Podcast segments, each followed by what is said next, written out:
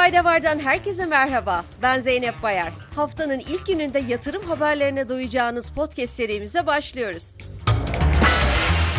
Elektrikli otomobil üreticisi Tesla, Çin'in Şangay kentinde yılda 10 bin megapack üretme kapasitesine sahip yeni bir mega fabrika kuracağını duyurdu. Tesla CEO'su Elon Musk konu hakkında yaptığı açıklamada Çin'de kurulacak fabrikanın şirketin Kaliforniya'daki tesisinin üretimini destekleyeceğini söyledi. Çin basınında yer alan haberde ise şirketin bu yılın 3. çeyreğinde fabrikanın inşasına başlayacağı, 2024'ün ortalarında ise üretime geçeceği bildirildi. İkinci yatırım haberimiz Apple'ın en büyük tedarikçi şirketi Foxconn'dan geliyor. Dünyanın önüne gelen teknoloji firmalarından Foxconn, elektrikli araç gelişimini desteklemek için yeni bir yatırıma imza atacağını açıkladı.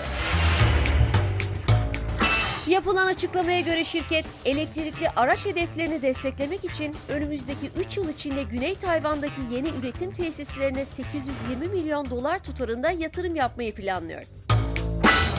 Sıradaki yatırım haberimiz yapay zeka alanından. Kasım ayında ChatGPT'nin tanıtılmasından bu yana hızla yayılan yapay zeka teknolojileriyle ün kazanan OpenAI, yatırımlarını Japonya'da geliştirmeyi planladığını açıkladı. OpenAI'nin CEO'su Sam Altman, Japonya Başbakanı Fumio Kishida ile görüştükten sonra Japonya'da ofis açmayı ve Japonca dil hizmetlerini genişletmeyi düşündüğünü duyurdu. Altman ayrıca Başbakan Kishida ile geliştirilecek teknolojinin olumsuz yönlerinin nasıl hafifleteceği hakkında da konuştuklarını söyledi.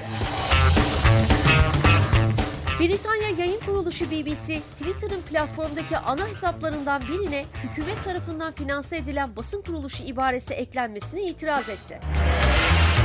Sorunun bir an evvel çözülmesi için Twitter'la irtibatta olduklarını belirten yayın kuruluşu, BBC bağımsızdır. Gelirlerimizi Britanya halkının ödediği yıllık televizyon ruhsatı ödemeleriyle oluşturuyoruz açıklamasını yaptı.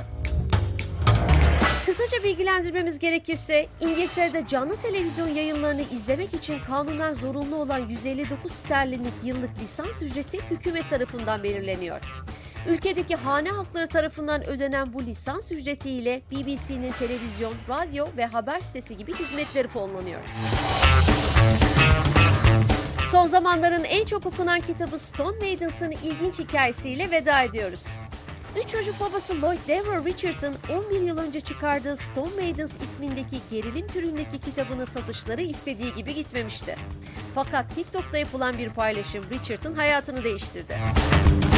Richard'ın kızı Margaret'in babasının romanıyla övünen bir TikTok videosu yayınlamasının ardından video birkaç hafta içerisinde 48 milyon kez görüntülendi. Peki sonrasında ne oldu diyecek olursanız TikTok'ta büyük ilgi gören kitap Amazon'un en çok satanlar listesinde zirveye oturdu. Bilmenizde fayda varın bugünkü bölümünün sonuna geldik. Yarın tekrar görüşmek üzere. Hoşçakalın.